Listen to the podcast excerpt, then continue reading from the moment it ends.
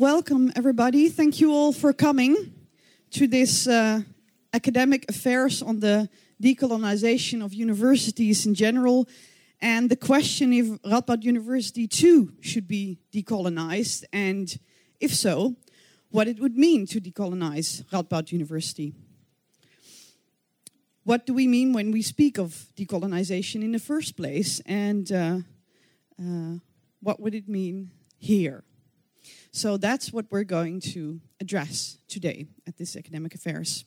So our choice of title already sparked quite a debate.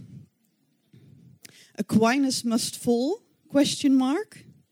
Decolonizing Radboud University. So the second part was okay, but the, the first part not so much.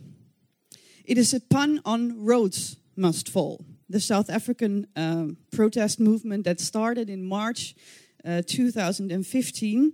Um, and that called for the removal of the statue of Cecil Rhodes um, uh, at the University of Pretoria, right? Ca Cape Town, sorry, Cape Town.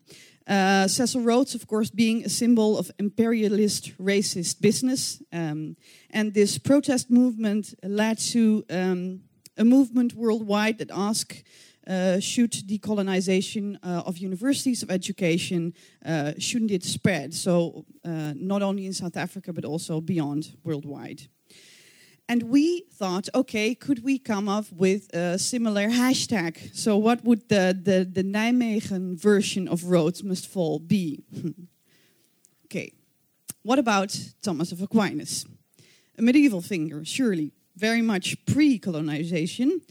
Um, okay, so yes, but isn't decolonization also about diversity and inclusivity?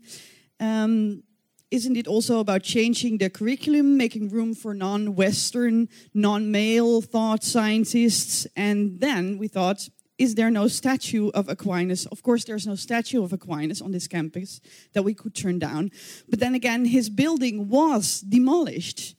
And it did make room for uh, a new building that will be named after a woman, Maria Montessori. That part was, there was an interesting pun there. Sure. But to ask if Aquinas must fall was an unfortunate question. I think we will get to it in a debate. Um, his building on this campus might have fallen, but uh, he probably should not be taken off the curriculum. Uh, a South African philosopher, Colum David Scott, argues in a recent article that we, however, cannot read because it's not accessible from this university. That's interesting. But the abstract says that the work of Aquinas is of great work worth for the Decolonial Academy because of his openness to non-Western thoughts like Arabic uh, philosophy, among others. But we should address it, and we will. Back to the question that brings us here today. What would it mean to decolonize Radboud University? To reflect on that question, we've invited philosopher Josias Tembo and social geographer Kolar Aparna. Josias Tembo is a PhD researcher, a researcher at the Department of Ethics and Political Philosophy at our university. He obtained a master's degree in philosophy on African identity and was part of the South African protest movement. In a short lecture, he will reflect on the decolonization of the South African universities and also touch upon um, what decolonization of our university might mean. Afterwards, uh, Kolar Aparna will join us. They will discuss the workings of colonial logic and how this still applies to the university. And they will also discuss forms of decolonization already taking place. Um, so that's the program for now. Of course, there's always also uh, room for you to join the discussion. Um, the last 15 minutes. So um, I will stop taking time and ask you to give a warm welcome to Josiah Tembo.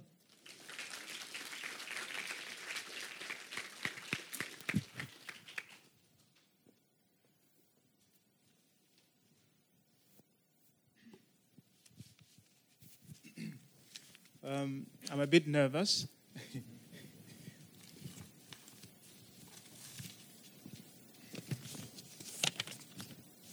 Don't worry, Aquinas is behind. Ah, okay. yeah, um, uh, thank you for coming. I can see some uh, familiar faces, and sometimes this always makes me feel like I'm risking preaching to the choir. because uh, some of the people that I meet on regular occasions, we share similar sentiments on, you know, topics such as, uh, as this. Um, I have a few thoughts on knowledge production.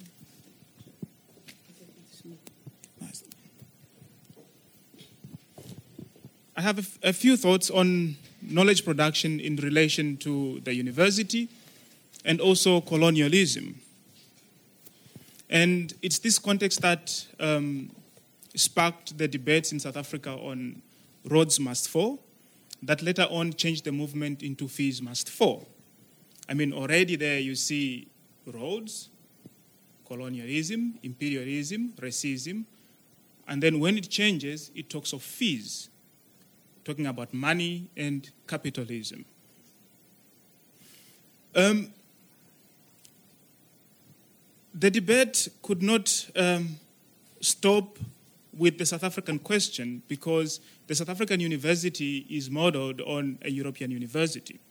And when I went to, to, to do research at the University of Pretoria, I was the only student who was interested to do research on African philosophy. Most of my students, I mean, most of my fellow students were doing research on Western philosophers, but they were not titled as Western philosophers, but Western philosophy, I mean, philosophy. Um, so, the, the questions I ask you to think about from my very short presentation is the relationship between a Dutch European uh, university in relation to the Dutch nation state with Europe as a quasi state in modernity. What is the European uh, university after colonialism? What does it uh, mean to produce knowledge in Europe after the end of European empires and the emergence of the European Union?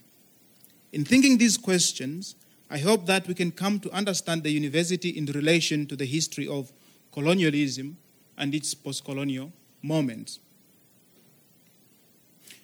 A modern university emerged between two opposing poles, among others. The first one is universalism with a single notion of the human. And the second is the contestation of the different versions of the universal. One version being the Catholic version, the other versions being the Protestant versions. The first holds Europe as the sole divine heir to the truth or knowledge about the universe.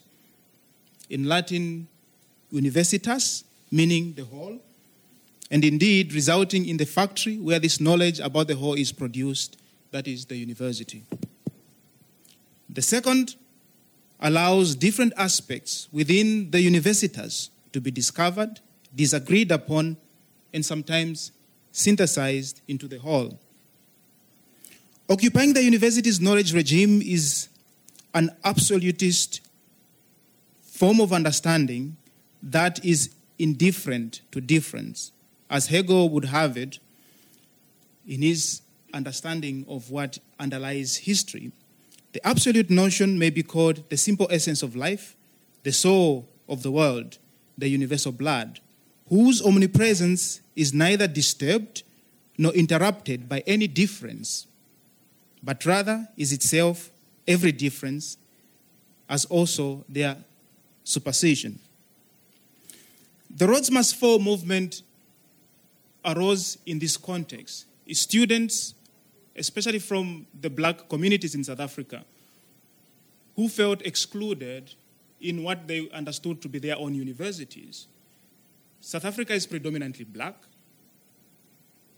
But then when you go to a lot of uh, universities, especially the good universities in South Africa, they are dominantly white.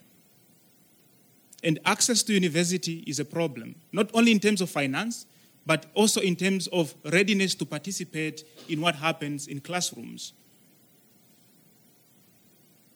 And despite the decolonization of South Africa, the end of apartheid, a lot of things remained intact. And the university became a symbol of imperialism, of racism, of colonialism.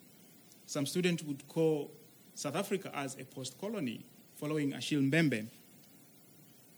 So, among the important questions or lessons learned from uh, the Must Fall, which turned into Fees Fall, which was organized by students and consent staff, was that the university is at the peripheral and also at the center of the colonial and post colonial regime.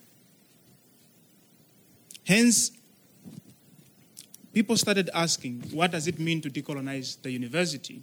And within the South African moment, to decolonize the university went hand in hand with decolonizing South African society.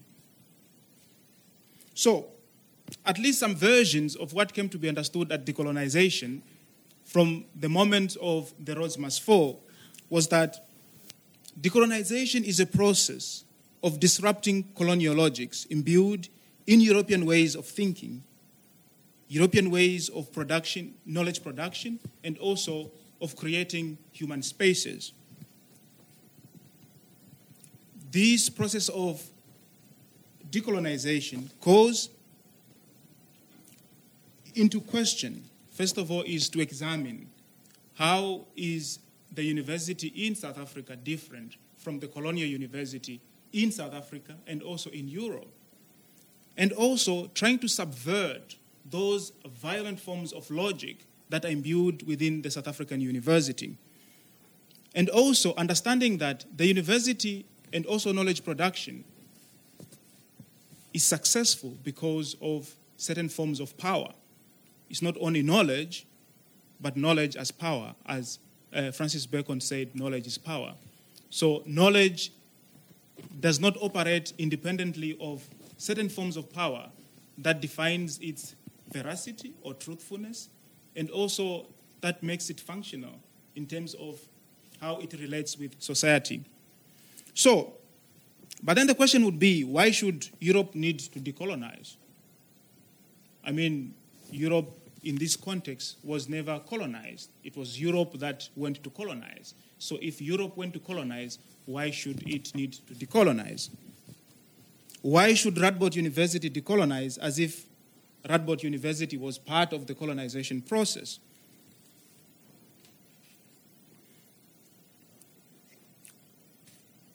One important aspect of colonialism is that it transformed non European spaces into fundamentally European constructs. This transformation was rendered possible through the regime of the universitas, that is indifferent to difference. And anything that does not fit into this universalism, not only in terms of knowledge, but also in terms of cultural practices, religious beliefs, political system, was rendered outside history, outside truth, outside knowledge. And obviously, I mean, the Dutch context, we are aware of South Africa and Afrikaans, which is a daughter language of Dutch. Um,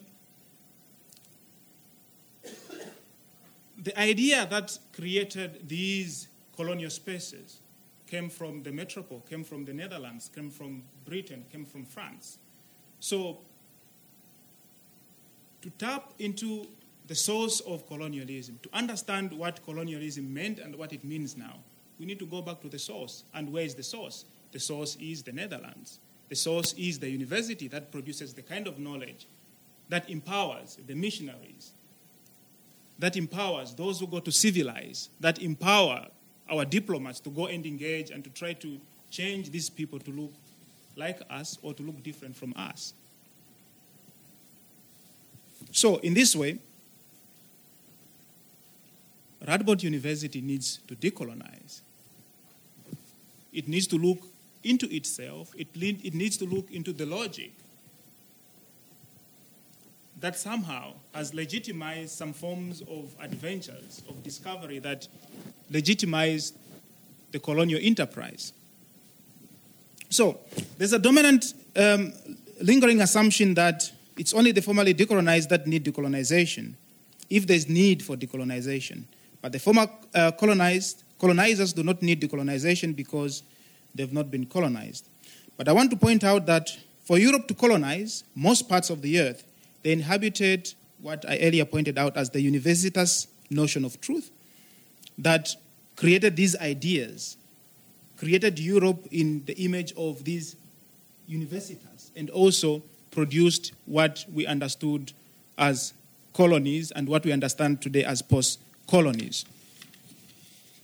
In relation to those unfortunate sons, and today we are told to be aware of daughters too, who are not heirs to the knowledge of the universitas, Europe has a mystical, or others would say, a contradictory but yet symbiotic relationship to its former colonies or post colonial um, uh, countries.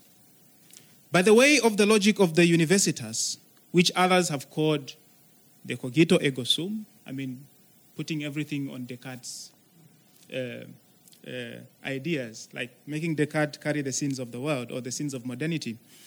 The I think, therefore I am, which others have also called the I think, therefore you are not. So if Europe thinks what it thinks, then others are not what they think, they are what Europe thinks.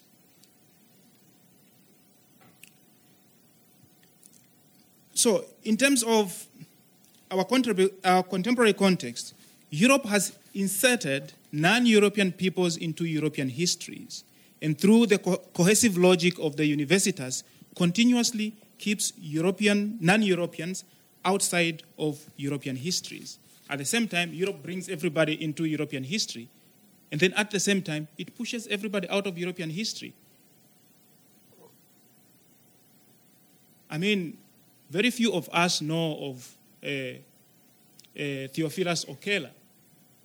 Very few of us know of Kwasi Wiredu. Very few of us in here know of Patrice Lumumba. These people have been inserted into European history and they're yet push, pushed out of European history. And the university is part of this project. The university makes sure that only certain people appear as worthy interlocutors in the process of knowledge production.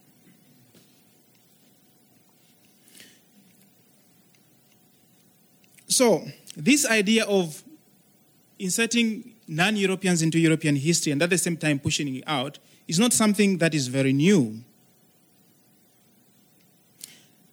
There's a famous uh, quote that Hegel is often referred to. Those who read Hegel, not only Hegel, the phenomenology of mind, but also Hegel, the philosopher of history. Hegel writes Africa proper, as far as history goes, has remained for all purposes of, of connection with the rest of the world. Shut up. It is the gold land compressed within itself, the land of childhood, which, lying beyond the day of self conscious history, is enveloped in the mantle of night. In other words, whatever comes from Africa is not self conscious. In Africa, there's no history. In Africa, there's no worthy interlocutor of knowledge. So, I'm sure some of you are wondering why should I quote an almost two centuries old talk about the present day situation, in which a non European, me, for that matter, Hegel's Africa proper, is standing before Europeans sharing ideas. Why should I bring this idea today when, I mean, things have changed? At the time of Hegel, a black person could not stand before white people and say what they're saying. Things have changed.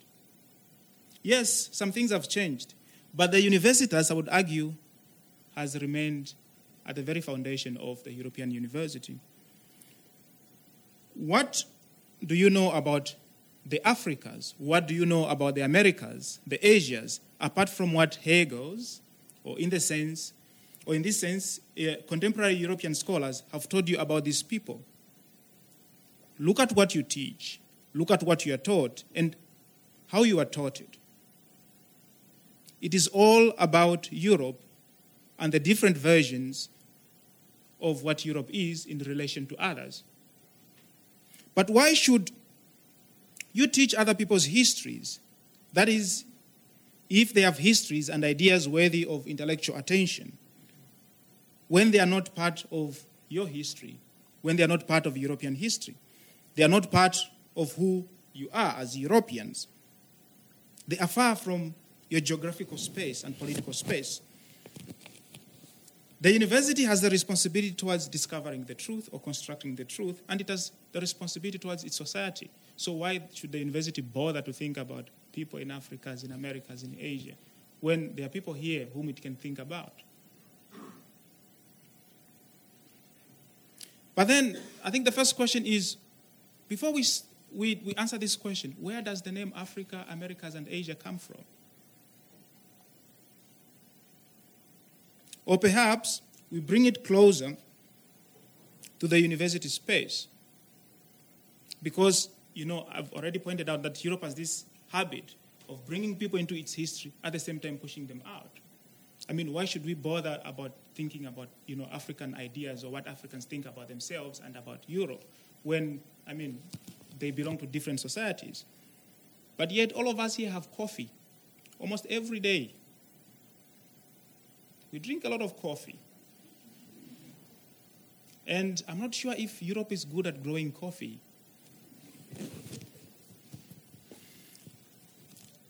And this idea of pushing non Europeans into European history and pushing them out at the same time is not something that is very new.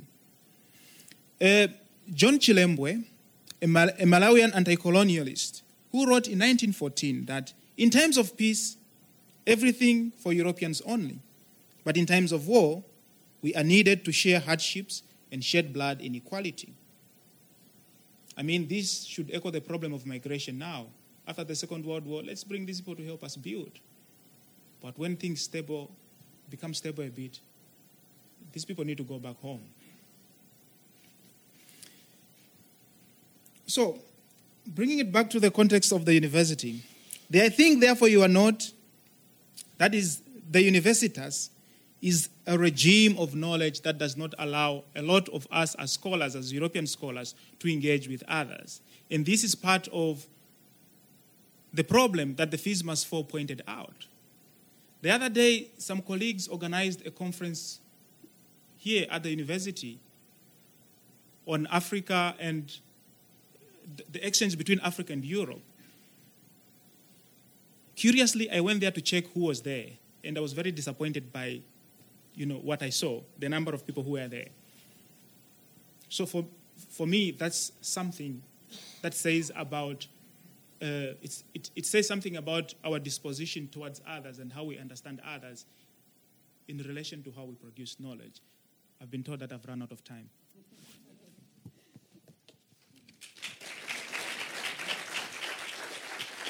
Yeah, please stay here. Yeah, and I'm sorry to to uh, to cut you short, but um, um, yeah, please join us, Kolar.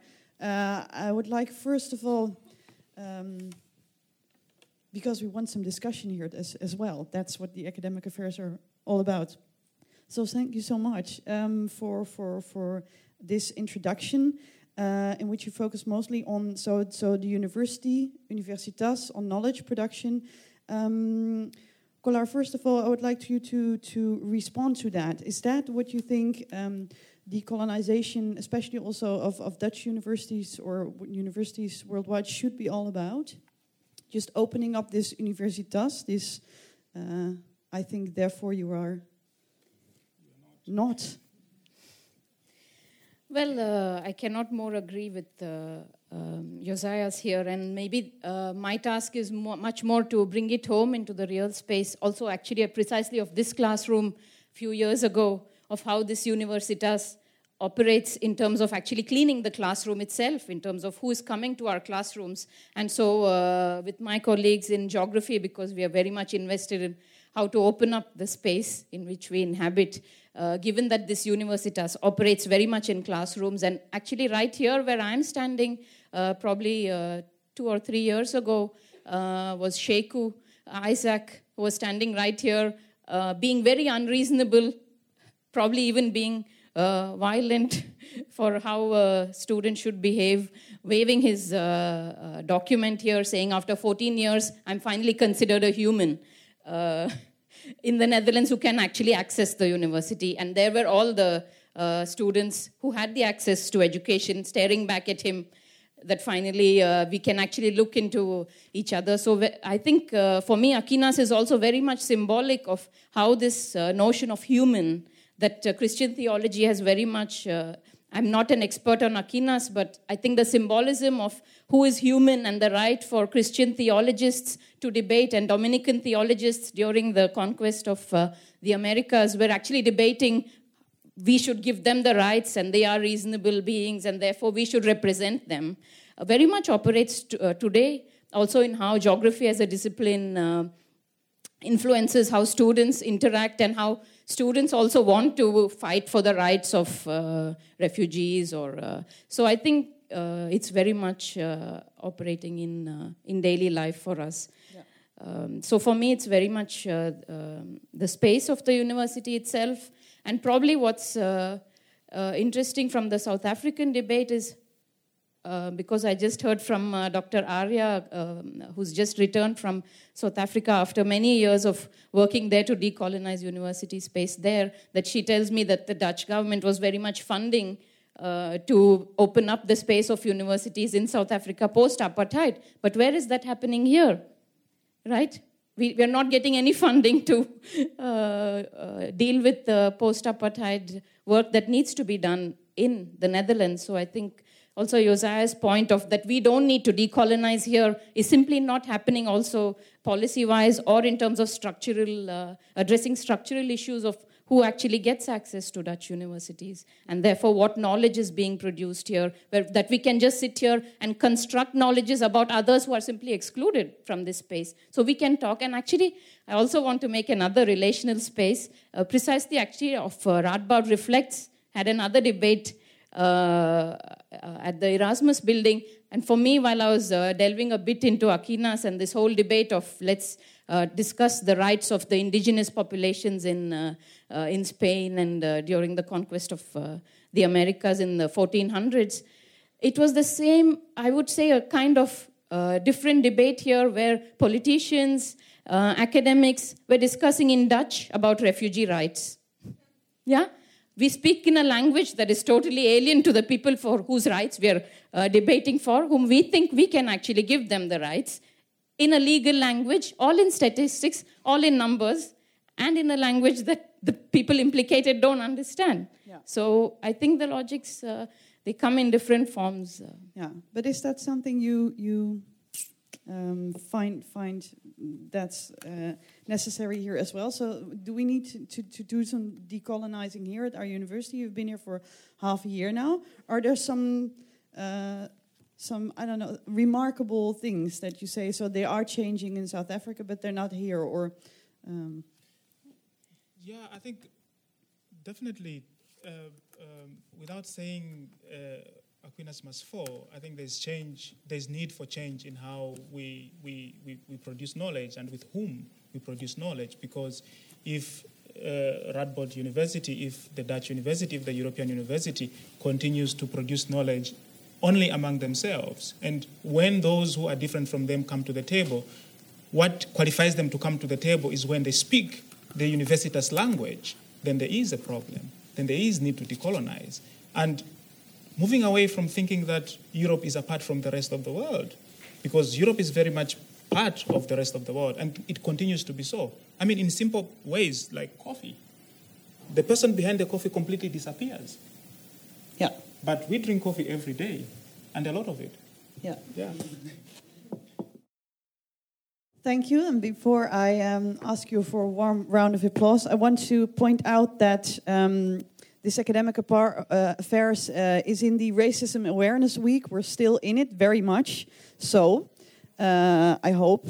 Um, and I want to point out that there's another activity, the privilege bracelet activity at the Erasmus building uh, uh, in in room 117, and it's in uh, it it starts at 1:30. So if you're interested and want more information, you could go ask here. At, yeah, um, the people over here, uh, or go there. So um, that's all for now. Thank you very much for being here, joining the discussion, and thanks for our speakers, Kolar Aparna, and of course, Josias Tembo. Thanks so much.